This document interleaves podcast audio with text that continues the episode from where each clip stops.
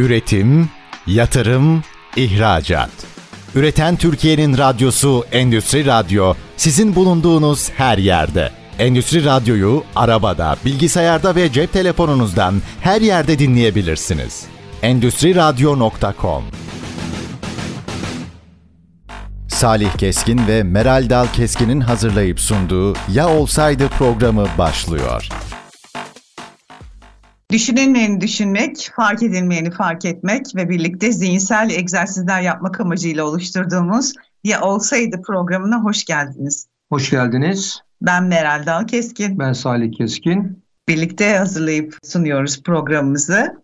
Bizi takip eden dinleyicilerimiz zaten artık tanıyorlar formatımızı. Yeni bizi dinlemeye başlayan dinleyicilerimiz için de biraz bahsedelim mi? Neler yapıyoruz Salih? İyi olur.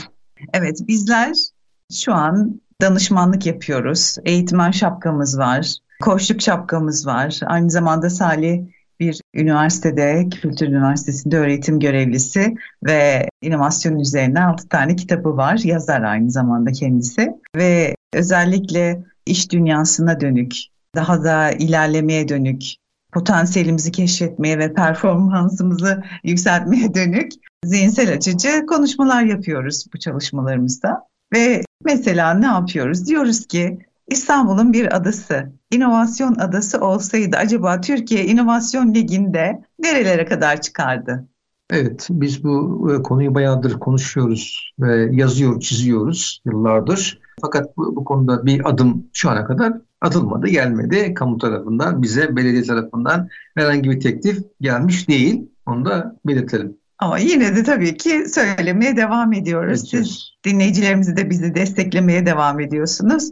Bu da bize enerji veriyor. Bu yolda kalmaya ve daha da ilerlemeye. Başka ne yapıyoruz? Mesela diyoruz ki Sultan Hamam esnafı üniversitelerde acaba eğitim verseydi neler farklılaşırdı? Evet, bu ilginç. Niye Sultan Hamam esnafı ders versin diyoruz? Çünkü pazarlamanın beşiği, merkezi, özü, aslı orada. Evet. Acaba bir yandan da yöneticiyle liderliğe sıçrıyoruz. Diyoruz ki yöneticisiz takımlar olması mümkün mü? Çok değerli konuklarımız bize bu sorularında cevaplarında destek oluyor. Yöneticisiz takımlar mümkün mü? Mümkün ama tabii ki kuralları var, kaideleri var. Bir de liderlik değişiyor. Zaman zaman liderlik modellerini konuşuyoruz. Ve en son çalışmamızda yine çok sevilen programlarımızdan bir tanesi inovasyonun sanatla evrimiydi. E, koltukları konuşturduk, dolapları farklılaştırdık, sanatla eşyaları, ev aletlerini birleştirdik. Herkesten de çok güzel öneriler de geliyor. İşte özellikle hani e, yumurta pişirirken e, bu daha nasıl melodik olabilir diye söyledik. Orijinal öneriler de geliyor. Hepsini biriktiriyoruz. Merak etmeyin. Bunları ilerleyen programlarda da paylaşıyor olacağız.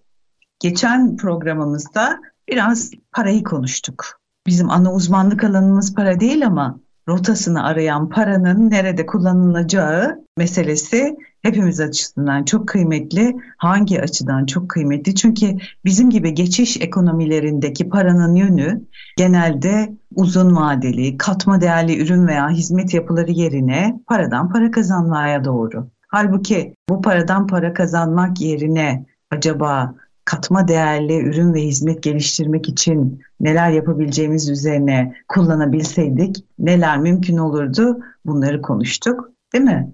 Evet aslında e, burada çeşitli kaynakların var olduğunu biliyoruz. Türkiye'de beşeri kaynakların çok güçlü olduğunu ve zeka florasının Türkiye'de çok iyi olduğunu biliyoruz.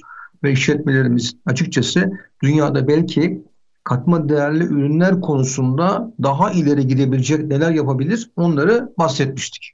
E, bu noktada da dünya markalarının izlediği prosesleri paylaşıyoruz. Bu konuyla da ilgili e, müşteri bazında prosesler paylaşmıştık. Mesela demiştik ki müşterinin ne istediğini anlamanız çok önemli. Bunun için de anketler düzenlenebilir, gizli müşteri çalışmaları yapılabilir e, ve hatta kendi yaşadığımız deneyimleri de paylaşıyoruz. İşte kullandığımız eşyalar daha bu anlamda acaba ne kadar müşterinin isteğine göre dizayn edilmiş bunları konuştuk. Yine ürünü müşterinin beklentilerine göre geliştirmek, üretimde istikrarlı kaliteyi yakalamak, ürünün gelişiminde müşteriden geri bildirim almak, viral pazarlama enstrümanlarını yoğun kullanabilmek ve müşterinin ürünü kendine ait hissetmesini sağlamakla ilgili neler yapabileceğimizi konuşmuştuk. Bugün biraz daha artık yeni yıl geliyor. Bu yeni yılın konseptine de uygun olsun dedik ve acaba stratejik yenilik konuları neler olabilir? Bunu sizlerle birlikte egzersiz yapmak istiyoruz. Çok güzel. Neler olabilir? Birinci evet. baştan başlayalım. Mesela bizi dinleyen arkadaşlarımız da var. Kurumlar bizi dinliyor. KOBİ'ler bizi dinliyor, şirketler bizi dinliyor. Bu şirketlerdeki yöneticiler, çalışanlar ve patronlar bizi dinliyor şu an. Umarım sizler için de farklı bir bakış açısı katabiliriz küçük de olsa. Bu stratejik yenilik konuları ne olabilir? Birincisi mesela yeni bir pazar ve kesimler bulmak. Evet, birincisi bu. Dört başlığımız var. Yeni bir pazar ve kesimler bulun. Bunun sebebi var olan pazar segmentimizin, müşterilerimizin aslında oldukça diğer rakiplere de dağılmış olması. Bir örnekle gidebiliriz. Belki bu konuda bir örnek paylaşabilir miyiz? Evet. Şimdi bir matbaa piyasasından bahsedelim veya bir oyuncak üreticisiniz siz veya satıcısınız. Belli bir müşteri kesitiniz var. Bu müşteri kesitinizi sizin arttırma imkanınız mevcut pazarda çok fazla yok. Çünkü gittikçe pasta bölünüyor. Yani piyasaya giren her bir rakip firma ister istemez aynı pastadan pay alıyor. Evet. Bu bir süre sonra bir sonra handikap oluşturuyor. Yani eğer pazar büyüklüğümüz diyelim ki 100 birim ise mevcut rakip sayımız da 1000 ise bu 100 birimi 1000 rakip paylaşıyor. Evet. Pazara giren 1000 birinci rakip ise yine 100 birim üzerinden alıyor. Dolayısıyla ya benden alıyor ya diğer rakipten alıyor. Bu aslında bir süre sonra pazarın doygunluk aşamasına geldiğini gösterir. Yani karlarımız çok minimize oluyor. Ayakta kalma durumumuz da zorlaşıyor ister istemez. Yani e, firmaların sürekli kapatıyor olması veya dayanamıyor olması bununla çok ilgili. Bize diyoruz ki burada yenilik modelleri üretmeniz lazım. Yani mesela Türkiye'de büyük olduğu için, uluslararası olduğu için marka veriyoruz. Normal bir marka vermiyoruz. Ne yaptı? Yani işte marketlerin veya satıcıların zaten müşterilerine satıyorlardı bunlar mağazalarında. Marketlerini satıyorlardı. O ne yaptı? Ben dedi 10 dakikada evinizde size aynı ürünü aynı fiyata ulaştırabilirim. Şimdi benzer müşteri olsa da hizmet farklı olduğu için burada farklı bir pazar mantığı geliştirdi esasında. Açıkçası bugün Türkiye'de biliyorsun yani ifsal ettiğimiz firmalardan bir tanesidir. 10 milyar dolara yakın bir yasa değeri olduğunu biliyoruz. Evet. Tabii ilk hatırlıyorum ben ilk çıktığı dönemlerde muhtemelen hani bu konuda aslında ihtiyaç duyanlar açısından bir boşluk tespit etti. Senin o yaklaşımını çok seviyorum. Bu atölye çalışmalarında da o boşlukları bulmak üzere egzersizler yaptırıyorsun bol bol. Aslında yeni bir pazar ve kesim bulmak için ne boşluk var diye bakmakta faydalı olur mu? Tabii. Orada şu soruyu soruyoruz. Müşterinin karşılanmamış ihtiyaçlarını karşılamaktan bahsediyoruz. Şimdi örnek veriyorum. Herhangi bir konuda müşterinin mutlaka karşılanmamış bir ihtiyacı var mıdır? Tabii ki var. Var. Peki şu an biliyor muyuz? Biliyoruz ya da bilmiyoruz. Bilmiyoruz. Bilsek mutlaka karşılamaya çalışırız. Bilmiyoruz. Peki nasıl bilebiliriz? Yani müşteriyi dinleyebiliriz, sorabiliriz. Çok güzel. İçinde olarak aslında. Evet. Birincisi hani hep örnek veriyorum ya önemli markası dünya markası biliyorsun. Onun yani ajanları marketlerin önünde müşterileri haftalarca gözlemlediler. Yani müşteriler ellerinde poşetlerle geldiklerinde arabanın bagajına koyma esnasında ne tür sorunlar yaşıyor meselesini iyi çalıştılar. Yine baktığımızda dünyanın birçok, yani dünya firmaları bunu yapıyor açıkçası. Türk firmalarında mutlaka vardır ama daha çok dünya firmaları yapıyor. Motordan bahsetmiştik. Evet. Yani onlar müşterilerin içerisinde aslında kendi elemanlarını bulundururlar maaşlı ama siz bilmezsiniz. Yani sizi iyi dinler. Size sorular sorar, ürünle ilgili beklentilerinizi alır. Yani o an sizin memnun kalmadığınız her şeyi sizden dinler ve firmaya raporlar.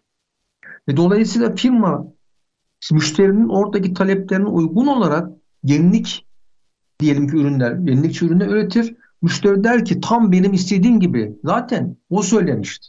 Evet mesela bir ayakkabı firması e, sahibi dinliyor bizi diyelim. Ayakkabı üretiyor.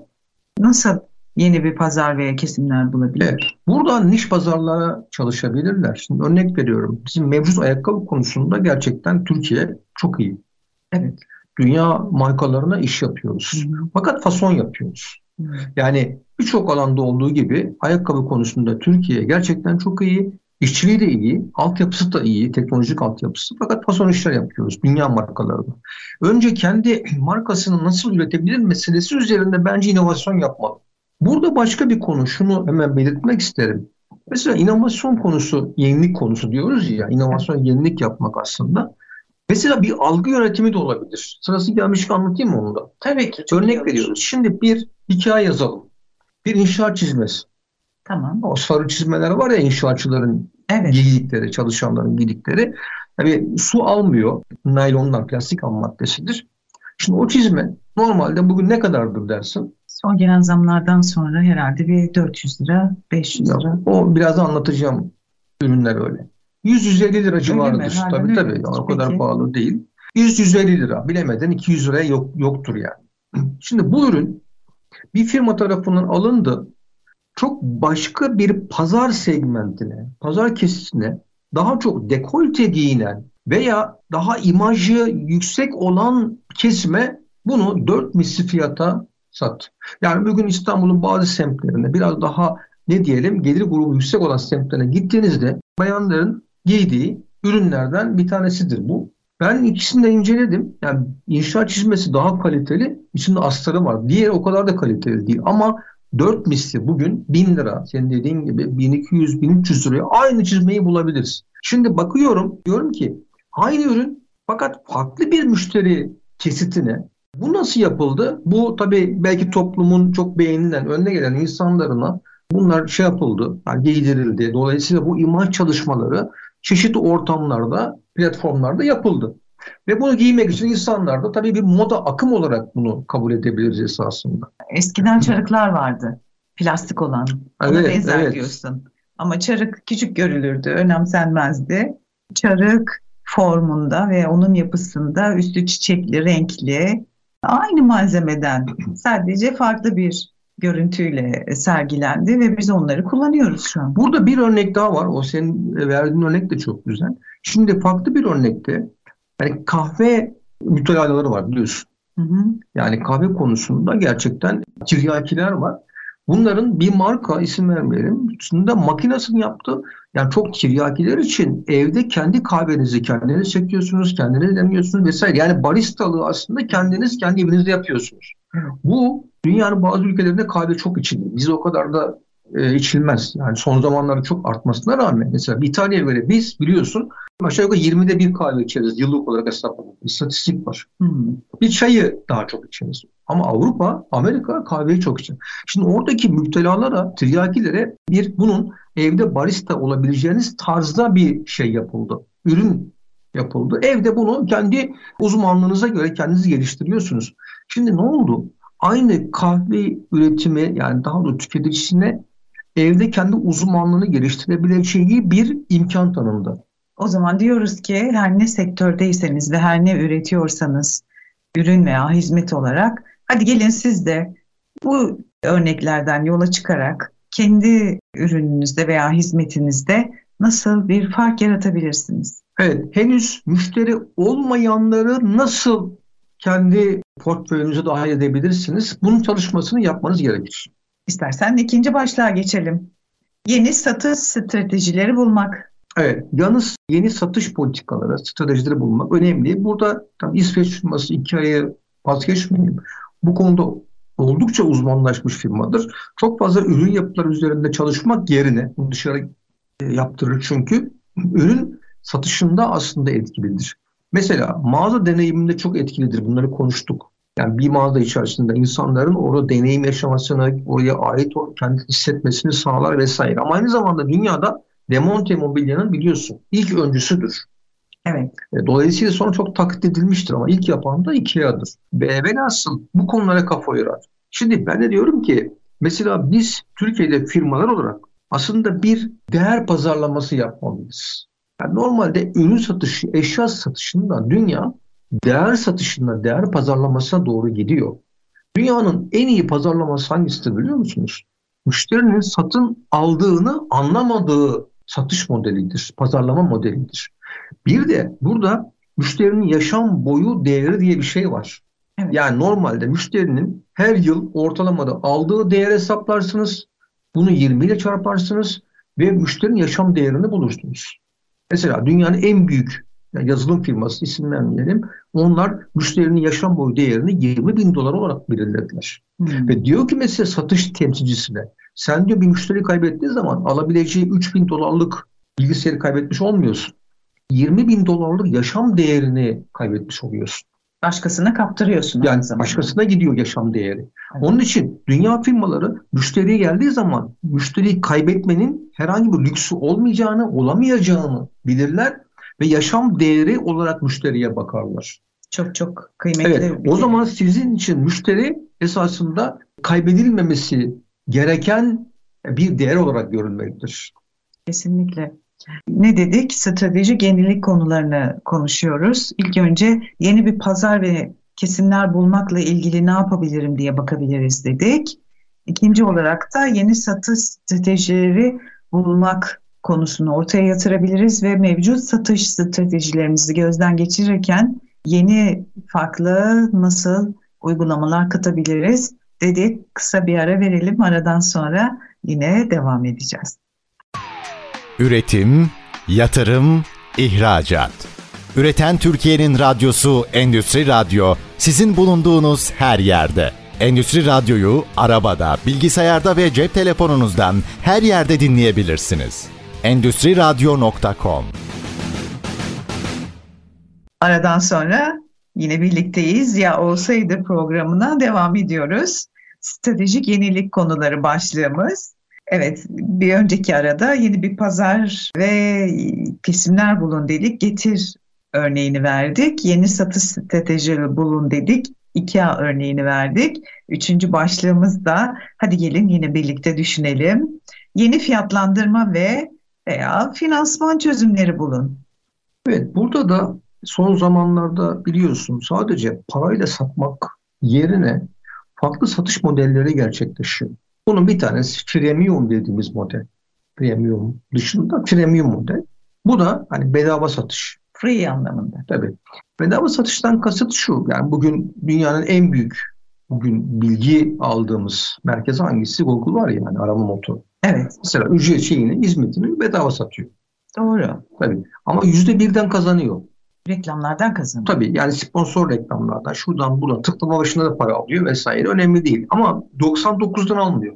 Yani 100 kişinin 99 tanesinden almıyor, yüzde birden alıyor. Dünyanın dördüncü firması. Böyle evet. bakalım. Demek ki o kadar aslında 99'un gücünü bire satmak için kullanıyor. E peki yine biz e, ne yapalım? Bir beyaz eşya satan bir firma olalım. Ne yapacağız? 99 müşteriye nasıl bir çözüm Bu bir model. Bunun gibi yani bunu işte Hopi'de uyguladı biliyorsun. Normalde para ödeme modelidir. Biraz açalım mı? Tabii.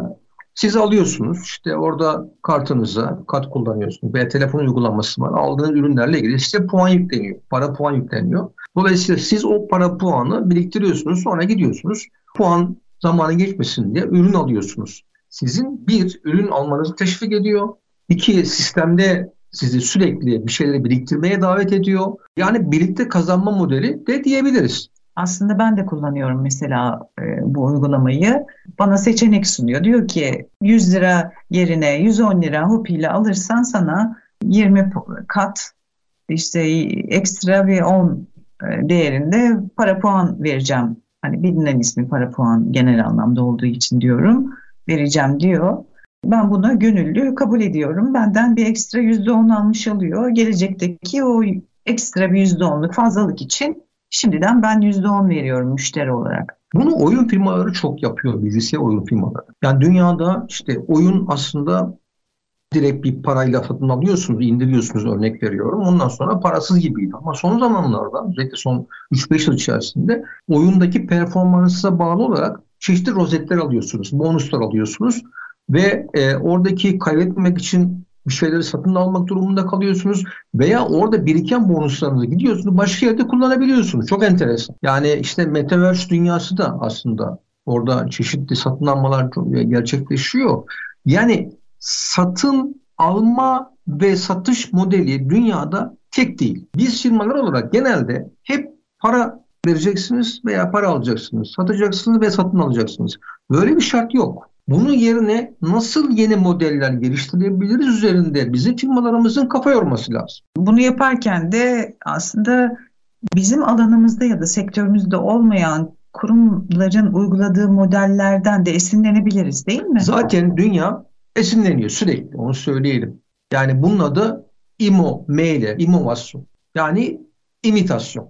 Siz yapıyorsunuz, ben bunu alıyorum, kendim uyguluyorum. Şimdi bir örnek daha vereceğim.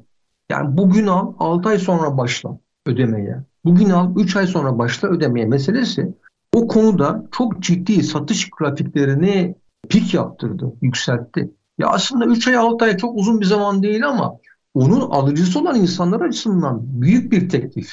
Kesinlikle. Yani aslında yenilik dediğimizde ve stratejik yenilik dediğimizde aman efendim bu nasıl olur? Kimse ilgilenmez ki vesaire dediğimiz şeyler birileri tarafından talep görüyor ve e, o firmaları diğerlerinden ayırıyor. Kopup gidiyorlar tabiri caizse. Kesinlikle. Burada bir örnek daha vereyim. Diğer maddeye geçebiliriz. Örnek barter. Yani barter nedir? Aslında insanlığın paradan önceki alışveriş şekli değil midir? Evet. Ben bir tavuk götürüyorum, size veriyorum. Siz bana buğday veriyorsunuz. Evet. Veya farklı, tersit olabilir. Şimdi bugün barter dünyası çok anormal bir büyüklüğü var. Yani firmalar diyelim ki finansman kısıtları var. Ben elimdeki ürettiğim malı depomda çünkü veriyorum. Siz sizin elinizdeki mala da benim ihtiyacım var. Hı hı. Aslında çok şey bir ticaret, temiz bir ticaret. Evet. Bu dünyada şu an çok yaygın. Şunu anlatmaya çalışıyoruz. Yenilik dedik ya, siz önce üründe yapabilirsiniz, pazarlamada yapabilirsiniz, finansman konusunda yapabilirsiniz, ödeme koşullarını yapabilirsiniz, müşteri ilişkilerini yapabilirsiniz, her konuda yapabilirsiniz. Bu konuda yapabilirsiniz. Yani illa ki siz ürününüzü parayla satmak durumunda değilsiniz. Ya yine para satarsınız ama bunun bir değer satışı olduğunu müşteriye hissettirmeniz lazım. Yani illa ki müşteri para getirsin, alsın meselesinin ötesinde bunu daha soft, daha dikkatli ve daha e, incelikli bir şekilde nasıl yapılabilir üzerinde gerçekten çalışmak gerekir. Evet hazır buradan da o zaman yeni özellikleri bulun dördüncüye geçelim.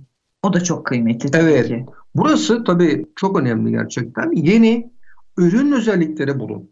Zaten 1980 yılından sonra araştırmalar var. Büyümenin temelinin inovasyona, geliriye dayandığı keşfedilmiş. Evet. Küresel inovasyon endeksine göre dünya ekonomilerinin, büyüyen dünya ekonomilerinin büyüme sebebi temelde inovasyon. Yani bu şu demektir. Mesela Amerikan ekonomisi sürekli büyüyor veya İsviçre son 10 yılda bu konularda hep birinci. Baktığımızda neden diyelim ki Güney Kore'de kişi başına düşen milli gelir geçen de baktık 65 bin dolar civarı 60 bin dolardan daha fazla. Türkiye'nin kaçtı? Söylemek istemiyorum. Yani 8-9 bin civarıydı. E şimdi Güney Kore yani zeka kapasitesi olarak bizden üstün değil. Hayır. Veya hani insanlar daha genç mi baktığınızda demografik olarak o da değil. Peki olay ne? Belki doğru konuya eğilmek, gerçekten o konuda yapabileceklerinin en iyisini yapmak ve tabii ki trend konularda bulunmak. Şu an trend konuda bulunuyorlar. Ve şu an dünyada en fazla para eden konuların içerisinde bulunuyorlar. Türkiye şu an dünyada en çok para eden konuların içerisinde bulunmuyor. Mesela Türkiye nerede var? Türkiye inşaatta var. Türkiye makinede var. Makine aslında orta düzey bir değer şeyine giriyor, kategorisine gidiyor. Ama dijital sistemleri dışarıdan alıyoruz. Biz yapamıyoruz. Yani bir makinenin en fazla para eden kısmı dijital ve elektronik sistem, yazılım sistemleri ise orada da Türkiye esasında rüştünü çok ispatlamış değil. Mesela Türkiye bildiğimiz makine üretimini yapabilir ama asıl son 10 yılda makineden makinenin komponentlerine yönelseydi, bu konudaki altyapısını çok güçlendirseydi, muhtemelen dünya pazarındaki ürettiği değer çok daha yüksek olacaktı. Kesinlikle. Şimdi o zaman yapmamız gereken dördüncü maddede siz yeni ürün özellikleri, ürüne ne katabilirsiniz? Üründen bir şey çıkartabilirsiniz, Bir şey ilave edebilirsiniz, alırsınız bir özelliği başkalaştırırsınız veya olmayan bir özellik dışarıdan ilave edersiniz ve ortaya yeni ürün özellikleri çıkartırsınız. Bu konudaki dünyadaki en birinci firma olarak Tesla'yı tabii verebiliriz. O zaman düşünelim. Yine herkes kendi firmasını, kendi şirketini düşündüğünde acaba mevcut ürünlerinize ne özellik katabilirsiniz diye de bakabiliriz değil mi? Hizmet de olabilir. Hizmet de olabilir. Bu artı belki ürününüz hangi boşluğa hizmet edebilir, nasıl farklılaştırabilirsiniz? Geçen bir örnek verdim sen aslında. Dedin ki yani bu fırınların küçükleri çıkartıldı. Evet. Bildiğimiz fırın evdeki. Küçük olmasının esprisi neydi orada sence? İnanılmaz. Kadınlar arasında müthiş bir popülerliği olan ürün kendisi. Çünkü büyük fırını açmak zorunda değilsiniz. Hemen iki kişilik, bir kişilik ya da işte e, kaç kişilik istiyorsanız hemen kısa çok az yağla patates kızarttığınız ya da börek yaptığınız ya da diğer yemekleri hızlıca yapmanız mümkün hale gelebiliyor. Biz kadınların e, herhalde zaman içerisinde değişen ihtiyaçlarını duymuşlar ve farklı ürünleri birleştirmişler aslında. Yani işte fritözdeki e, yenilikle fırını birleştirerek ortaya e, yeni yeni bir ürün çıkmış oldu. Bu yeni ürün özelliklerini verecek en iyi örneklerinden bir tanesidir evet. aslında. Burada çok majör bir büyüklük yok, değişiklik yok. yok. Hayır. Yani bildiğimiz aslında birkaç ürünün eşleştirilmesi ama ihtiyaç alanına sesleniyor. Kesinlikle. Bunun bir örneğini şöyle verebiliriz mesela. Bir ara biliyorsun evde ekmek yapma makineleri çok popüler oldu. Doğru. Yani küçücük o senin bahsettiğin küçük fırın gibi küçük şeyler, aparatlar, ev aletleri diyelim ki evde yani belki yüz binlerce satıldı bu ülkede. Ve evde ekmeğini yapıyorsun. Aslında yine yapıyordun fırında. Ama senin bu daha pratik yapmanı sağladı. İşte boşluk yakalamak. Aslında biraz da bu. Onda bile bizde yok ama hani kullananlar açısından biliyorum orada bile üründe yenilik yapılması gerekiyor. O yüzden kullanılmıyor artık yeni satılmadığını düşünüyorum. Ee, onu da bilemiyorum. O da işte bunu üreten şeyin firmaların o şeyi eksiğini gidermesi. Kesinlikle. Esas. Çünkü yine biz kadınlara ya da kullanan erkeklere yani tüketicilerine ulaşmayan bir ürün yapısı görüyoruz. Belki orada geri bildirimleri iyi almak lazım müşteriden. Ya da almak lazım yani hani geri bildirim vermese bile müşteriye zaman evet, zaman tabii. anketler düzenlemek gerekiyor. Genelde de benim gözlemlediğim bu tür uygulamalar biraz da hani tabii ki ek maliyet getirdiği için firmalar, e, yöneticiler ya da patronlar tarafından gereksiz görülmesi. Kısa ve orta vadede gereksiz gibi görülen şeyler de işte uzun vadede yani bir 10 yıllık süreç sonunda sizin aslında satış yapamamanıza ay neden satış yapamıyoruz dediğinizde de yok rakipler geldi, yok piyasa, yok ekonomik krizler vesaire gibi aslında gerçek olmayan bahanelerin arkasına sığınması sonucunu getiriyor. Orada tabii iş körlüğü diyebiliriz. Yani e, kafanızı siz kuma gömerseniz, firmanın içerisinde kalırsanız dünyaya, dış dünyayı göremezsiniz. Benim orada bir yazım vardı. Yani ofisinizin penceresinden dünyayı kavrayamazsınız diye makalem vardı. Yani mesela başka bir örnek vereyim size. Ofisinizin penceresinden kavrayamazsınız dedik ya. Evet. O ne demek? Bilginin depolanması var. Orada 1, 2, 3'ü 4'ü sağlayabiliriz. Örnek veriyorum. Hatırlayanlar bilir. İlk biz bilgiyi disketlere yükledik bilgisayarlarda. Çok doğru. Sonra disketler evrimini yitirdi. CD'lere geçtik. Çok daha pratikti biliyorsun. Hatta küçük CD'ler vardı, büyükleri vardı vesaire. O disketlerin yapamadığı birçok şey yaptı. Sebebi ne? Sebebi oradaki kapasitesiydi. CD'nin kapasitesi çok yüksekti. Bir süre sonra öyle bir gelişme oldu ki 3.0'a geçmek zorunda kaldı. Çünkü yetmedi ve USB'lere geçtik. Yani USB'ler 8 GB, 16 GB, 24 GB bugün 1 TB olan USB'ler var. Düşünebiliyor musun? Evet. Yani o kadar küçük boyutlu ürünlerde 1 TB. E çünkü biriktirmek istediklerimiz çoğaldı, bilgi çoğaldı. Doğal olarak bize artık hiçbir şey yetmiyor. İşte orada talep. Yani diyoruz ya ofisinizin penceresinden kavrayamazsınız. Talebi görmeniz için orada insanların içinde o tüketicilerin içerisinde bulunmanız lazım. Beklenti çok yükseldi. Peki bitti mi USB'den sonra? Hayır, buluta geçtik. Onu da Bugün buluttayız. Evet. Yani satın alıyorsun bilmem kaç gigabayt diyelim ki yüklüyorsun. Nerede? Bir materyalin içerisinde mi? Hayır. Bilgisayarın içerisinde mi? Hayır. Nerede? Başka bir yerde. Bütün fotoğrafları buluta yüklüyorum. Geçen gün düşündüm. Ya bu bulut da yok olursa gitti bütün fotoğraflar. E tabii şimdi biz bilgilerin denizin altında saklandığını biliyoruz. Okyanusun altında hatta e, benim ikinci kitabı Pazarlama Dinamasyon arkasında yani neden bilgiler okyanusun altında saklanıyor diye bir yazım var. Neden okyanusun altında saklanıyor? Çünkü bilgi çok stratejik. Üzerine ucun modlar dolaşıyor. Peki bunun bir sonrası acaba ne? Evet, bunun bir sonrası yapılıyor şu anda bilginin beynimize yüklenmesidir. Neuralink projesi. Yani dolayısıyla beyne bir nano robot, nubot aslında protein kenetli reseptördür bu. Beynimizde bir proteine çip yerleştiriliyor. Dolayısıyla dışarıdaki bilgisayarla beynimiz arasında bir aslında e, bağ kuruluyor. İletişim bağı kuruluyor. Ve bir, bir süre sonra aslında beyinden beyine bağlanma gerçekleşiyor. Yani sen bana mesela bilgi gönderebilirsin. Kendi beynindeki bir bilgiyi bana gönderebilirsin. Veya uzaktaki bilgisayarla iletişim e, ağı kurabiliriz. Oradan ben bir dil öğrenmek istiyorsam oradan bu dil öğrenmeyi komple oluşturabilirim zihnimde. Evet, bizi çok farklı bir gelecek bekliyor gibi görünüyor. Kısa bir ara verelim. Aradan sonra yine devam edeceğiz. Üretim, yatırım, ihracat. Üreten Türkiye'nin radyosu Endüstri Radyo sizin bulunduğunuz her yerde. Endüstri Radyo'yu arabada, bilgisayarda ve cep telefonunuzdan her yerde dinleyebilirsiniz. Endüstri Radyo.com Aradan sonra yine bir aradayız. Ya olsaydı programına devam ediyoruz. Stratejik yenilik konuları ana başlığımız ve biraz inovasyonda neredeyiz, yenilikte neredeyiz ve gelecekte neler olabilir bunu konuştuk. Neuralink projesi bizim ufkumuzu başka bir noktaya götürdü. Sanki biraz ütopik geliyor ama yakın gelecekte yine hep birlikte göreceğiz zannediyorum. Şu anda proje üzerinde test çalışmaları yapılıyor. Bunun ilk aşaması şuydu, fareler üzerinde denendi. Yani fareler üzerinde bilgi aktarımı gerçekleşti. Bu nasıl yapıldı? Ee, bir üniversite, Amerika'daki üniversite ile Yale Üniversitesi arasında Japonya'da bir çalışma yapılıyor.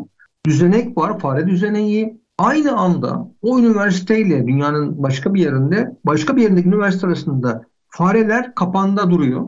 Bir yerdeki fareye kapanı açması öğretiliyor. Diğer taraftaki fare aynı anda öğreniyor. Kafalarında elektrotlar var. Evet. Bilgi aktarımı online olarak bu arada çevrim içi olarak bilgi aktarımı farelerden farelere gerçekleşti. O zaman şu, insan şu anda eğer bir bilgiye sahipse, o bilgiyi deneyimliyorsa, öğreniyorsa, eğer bir mekanizma varsa orada sistem varsa aynı anda dünyanın başka bir yerindeki insan bu bilgiyi öğrenme imkanı şu an teorik olarak mümkün. Ben duruyorum çünkü eminim bazı dinleyicilerimiz için korku filmi gibi geliyordur tüm bunlar. Fakat ben şöyle düşünüyorum. 50 sene önce bugünkü internetten bahsetseydik o, o günkü insanlara onlara da bir korku filmi gibi gelirdi. Ama bizim için şu an internet bir korku filmi gibi mi? Değil tabii ki. Yani biz içindeyiz. Buna alıştırıldık, alıştık, sevdik, sevmedik her neyse. Hayatımızın parçası oldu o anlamda. Hatırlıyorum rahmetli babaannemi, e, babaanne aya insanlar gitti ayak bastı diye söylediğimizde ilk başta çok inanamamıştı. E, inanması çok yıllar sürmüştü biliyor musun? Ama şu anda biz her şeye çok çabuk inanıyoruz. İnanmak durumunda kalıyoruz. Tabii ki. O kadar hızlı değişim var ki zaman zaman da e, yazılarımızda da paylaşıyoruz. Geçmişin hani 20 yılda geldiği noktaya artık belki 20 dakikada geliyor değil mi bu zaman diliminde? Yani oradaki istatistik geçen hafta bahsetmiştik. İnsanoğlu 2000 yılda kat ettiği mesafeyi 20-25 yılda kat ettik. Öyle bakalım. Ve oradaki gelişmeyi buraya aktarırsak gelecek zamanda çok daha kısa sürecek her şey. İyi mi öyle gösteriyor. Bir de e, biraz bizim tabii yine yeniliği anlayabilmemiz için ikiye ayrılıyor. Devrimsel yenilik ve evrimsel yenilik. E, hangisini yapacağız? Devrimsel mi yapacağız, evrimsel mi? Bu ne demek? Ya tamamen yeni bir ürün veya hizmet bulacağız. Buna devrimsel yenilik, inovasyon diyeceğiz ya da var olan bir ürünümüzü veya hizmetimizi farklılaştırabiliriz, değiştirebiliriz ya da yenileştirebiliriz. Evrimsel bir inovasyon. Şimdi bizi de dinleyenlere e, fikir olması açısından biraz daha bilgi paylaşabilir misin? Mesela bir evrimsel inovasyon yapabilmek için kaç fikir bulmak gerekir ya da devrimsel inovasyon bir rakam var mı? Var tabii. Küçük inovasyonlar için diyelim 100 fikir bir tanesi gerçekleşiyor. Evrimsel diye düşünüyorum. Bu evrimsel. Küçük. Büyük inovasyon için 3000 tane iyi fikir lazım. Hmm. Bu ekip çalışması gerektirir. Büyük bir yatırım gerektirir. Ve açıkçası işi bilen insanların da bilet olmasını orada gerektirir. E, peki e, bu kadar çok kuruma gidiyoruz. Bazı kurumlarımızın özellikle üretim işletmelerinde gözlemliyorum ben. Seninle yapmış olduğumuz çalışmalarda. E, fikir havuzları var. Bunlar dijitale de dönmüş durumda. Yüzlerce fikir toplanıyor, binlerce fikir toplanıyor ama ortada iç devrim yaratacak bir fikir çok duymuyoruz. Bu nasıl gerçek oluyor? Bu inovasyon sistemlerin olmasıyla ilgili. Çünkü inovasyon sistemleri bunların fizibilite edilebileceği ortamları da oluşturur. Gerekli koşulları da oluşturur. Teşvik sistemleri de oluşur. Raporlama modelleri de gerçekleşir. Bunlar olmayınca da o büyük inovasyona ulaşma şansımız yok. Üstelik bunlar çok rutin olması lazım. Yani mesela büyük inovasyonlar 3 yıldan 5 yıldan aşağı çıkmaz. Düşünebiliyor musunuz? 3 yıl, 5 yıl çalışmanız lazım. Fakat Türkiye'de bunun tabii büyük inovasyonlara yap, yani çıkması için gerçekten kurumların elini taşın altına koyması lazım. Ya bu işe bir kere bir finansman ayırmak zorunda, iki ekip ayırmak zorunda, üç buna zaman vermek zorunda, dört buna imkan sağlamak zorunda, beş bunun motivasyonel altyapısını tamamlamak zorunda. Küçük inovasyonlara gelirsek, biz aslında orayla ilgilenelim biraz. Çünkü büyükleri yapmak e, bence bir ülke politikası olarak bakabiliriz. Küçük inovasyonlara örnek bunu yapma zor değildir. Ketçap. Bir Alman firması bundan yıllar önce ketçap konusunun yoğunluğu üzerinde çalışıyordu. Yoğunluk dediğim ketçapta biliyorsun akması zor. Ve kimyacılar bunu tabii seyreltiyorlardı, inceltiyorlardı yoğunluğu ama bu sefer ketçapın kendisi bozuluyordu. Evet. Ne yapıldı? Bir işçi verdi bu fikri aslında. O da büyük ödül aldı açıkçası. Dedi bu kadar uğraşıyorsunuz bunu ters çevirin olsun bitsin dedi. Bu kadar. Bu kadar. Yani ketçapı ters çevirdiler. Bu iyi bir pazarlama inovasyonuydu. Sonra tabii bütün firmalar bunu modelledi, taklit etti. Başka ürünlerde de bu yapıldı. Mayonezlerde de bu biliyorsun ters çevrildi vesaire. Ama gerçekten sorunun çözülebilmesi anlamında çok iyi bir inovasyondu. Basit. Yine konuşuyoruz. Üçü bir arada var yani. O da çok iyi bir inovasyon. Kahve. Kahve. Yani gözümüzün önünde sorun duruyordu. Süt tozu, kahve, şeker. Her zaman üçünü bir arada bulamıyorduk. Yani kahveyi bulsak süt tozunu bulamıyoruz. Süt tozu olsa bir şey olmuyor vesaire. Bir de onların üçünü birleştirmek, e, hepsini ayrı ayrı kapaklarını açacaksın, kaşıkla koyacaksın, karıştıracaksın. Bayağı bir e, o zaman alıyor. Bir de o kaşığı ıslak veya işte e, ona daldırıp ıslayıp daldırdığın zaman o, o komple gidiyor vesaire. Şimdi dolayısıyla buradaki şey görüldü. Yani kriz alanı görüldü iyi takip edildi. İnsanların beklentileri iyi anlaşıldı ve buna dönük fikirler geliştirildi. Ürün ortaya çıkartıldı. Sonra ikisi bir arada oldu. Sonra başka katkılar konuldu içerisinde vesaire. Ya, Türkiye'deki ciroları milyar doların üzerinde bu ürünlerin. Şimdi öyle bakalım. Peki soruyorum hani birinci madde vardı ya yeni bir pazar ve kesimler bulun. Şimdi mevcut kahve pazarını küçülttü mü sence? Aksine tam tersi ona katladı. Yani aslında tek tek hesapladığınızda içinde bir, bir gram var biliyorsun. Bir buçuk gram var. Aslında tek tek hesapladığında kiloya vurduğunda çok pahalı. Ama önemli değil. Niye önemli değil? Çünkü pratik. E poşetçiye bakalım. Yani poşetçi diyelim ki yani dışarıdasınız, mobilsiniz. Yani çay içmeniz gerekiyor. Çay yapma şansımız yok. Demlik yok, o yok, yok. O kadar büyük pratik bir hizmet ki aslında poşet çaylar. Evet. Onun üçü bir arada farklı bir mantıkla hayata geçirilmesinden başka bir şey değil. Şimdi bu inovasyonlar, bak çok küçük inovasyonlar bunlar. Fakat piyasada öyle veya böyle sektörü de büyüten, sektörün cirosunu da katlayan inovasyonlardan bir tanesi. O zaman yine soralım bizi dinleyen dinleyicilerimize kendi ürün veya hizmetlerinizde küçük küçük yenilikler nasıl katabilirsiniz? Acaba müşterilerinizin karşılanmamış ihtiyaçları şu an ne olabilir ve siz orada nasıl bir fark yaratabilirsiniz? O kadar da uzak şeyler değil değil mi? Kesinlikle aranması gerekir. Bu işin bilinmesi gereken şey şu. Einstein bu işin formülünü şöyle vermiş. Demiş ki bir, konu belirle. Yani bir konuya odaklan. Hangi konuda yapmak istiyorsun? Yani senin firmanın ürünü varsa üründe mi yapmak istiyorsun? Pazarlamasında mı yapmak istiyorsun? Üretim süreçlerinde mi yapmak istiyorsun? Veya lojistik o süreçlerinde mi yapmak istiyorsun? Belirle. Sonra buna dönük bilgi al. Dünyadaki bu konudaki rakipler neler yapıyor? Biz neleri yapmıyoruz? Literatür taraması yap, yayınlara bak, örneklere bak, tara, sinyalleri topla. İkinci maddeydi. Üçüncü madde yaratıcılık seansları. Şimdi hani bilgi topladık ya, hangi konuda olduğu da belli.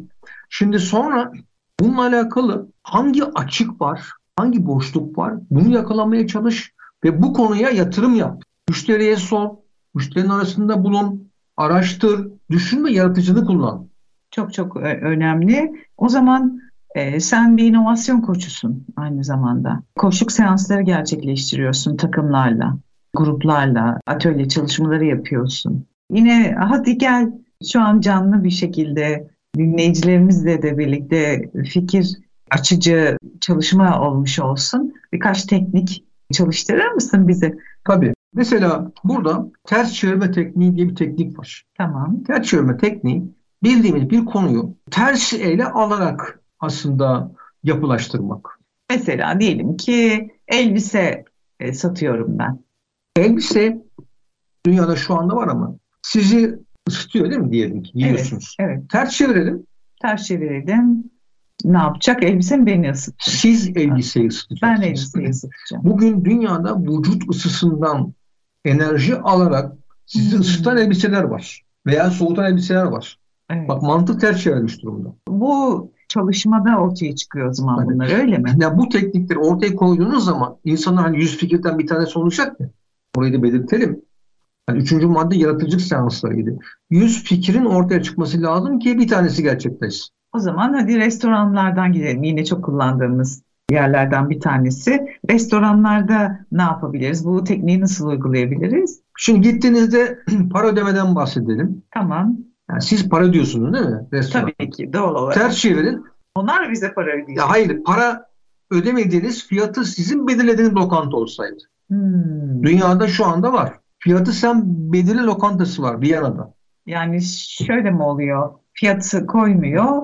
Ben yediklerim için ne kadar para veriyorsam onu mu kabul edeyim? Vermeyebilirsiniz de. Aa. Evet. Çünkü yani orada amaç zaten sizin e, beğeni dünyanızın kriterlerini sesleniyor. Hmm. Fakat şu var, bunu anlattığım her yerde diyelim ki insanlar ya öyle şey olur mu bizim ülkemizde bunu kesinlikle suistimal edilir diye deniyor. Fakat o firmalar çok ciddi büyüyor. Peki biliyorsun e, herkesin amacı çok satış yapmak. Çok satış yapmak istiyorum diye gelsem bunu nasıl ters çevirirsin? Ters çevirelim. Mesela dünyanın bir yerinde bir oyuncakçı firması var. Bu firma hiç satılmayan veya çok az satılan ürünleri bir araya getiriyor. Çok orijinal. Tabii. Hani sen diyorsun ya çok satmak istiyoruz. Ben de diyorum ki yani çok satmaya değil satılmayan ürünleri buluşturalım, bir araya getirelim ve insanlar bunları hani ne satılmıyor diye merak etsinler. Peki, Öyle oluyor zaten. Evet. Mesela yine ayakkabı. Ayakkabı kadınlar için de çok önemlidir. Hani baya bir maliyet kalemimiz arasında yer alır. Burada bunu ne yapabiliriz ayakkabı konusunda? Evet mesela normal satış ile yani bunu dünyanın en büyük ayakkabı firmaları biri yapıyor. Çip koyuyor ayakkabılarına. Yürüdükçe belli bir mil kilometre biriktiriyorsunuz. Belli kilometreye geldiği zaman mağazaya gidiyorsunuz bedava ayakkabı alıyorsunuz. Nasıl? Aa, süper. Ben mesela bunu birisi söylese muhakkak o ayakkabıyı deneyimlerim. Hem sizi yürütüyor, sosyal sorumluluk. Hem de indirim veriyor. Hem de bir indirim veriyor ve sizi oranın tam bir müdavimi yapıyor, müşterisi yapıyor. Evet, genelde de hani spor ayakkabılarında herhalde Sporda var. oluyor evet. Ama hiç klasiklerde bunu yapan kimseyle henüz ben işte, karşılaşmadım. Yani bu bir teknik. Bu tekniği uygularsanız kendi işinizle alakalı dünya kadar yeni fikir ulaşırsınız. Bunu bilmemiz lazım. E yine beyaz eşyacılar var bizi dinleyenler. Beyaz eşyada nasıl bu tekniği kullanabiliriz? Bunu aslında şey yaptı. Yani Türkiye'de en büyük beyaz eşya firmaları bir tanesi yaptı. Hı. Ne yaptı biliyor musun? Mağazasını kafeye çevirdi. Evet. Yani içeri giriyorsunuz beyaz eşya mağazası. E, ve dolayısıyla orada oturuyorsunuz, arkadaşlarınızla kahve içiyorsunuz. Ama etrafa da gözlemliyorsunuz, bakıyorsunuz. Amaç neydi? Amaç kafe hizmeti vermek değildi. Amaç orada insanların mağazaya ve markaya olan aidiyetlerini arttırmaktı. Yaptı mı? Yaptı. Bunu bir bankada yaptı. Evet bankada bir kafe hizmeti verdi ve insanlar orada çay kahve ikram ediyor. Arada siz bankadaki işlemlerinizi yapıyorsunuz. Ne çok vereceğimiz örnek var. Bize ayrılan sürenin sonuna geldik. Sizinle görüşü ve önerilerinizle de çok keyifli geçen bir program oldu. Tekrar görüşmek dileğiyle. Görüşmek dileğiyle.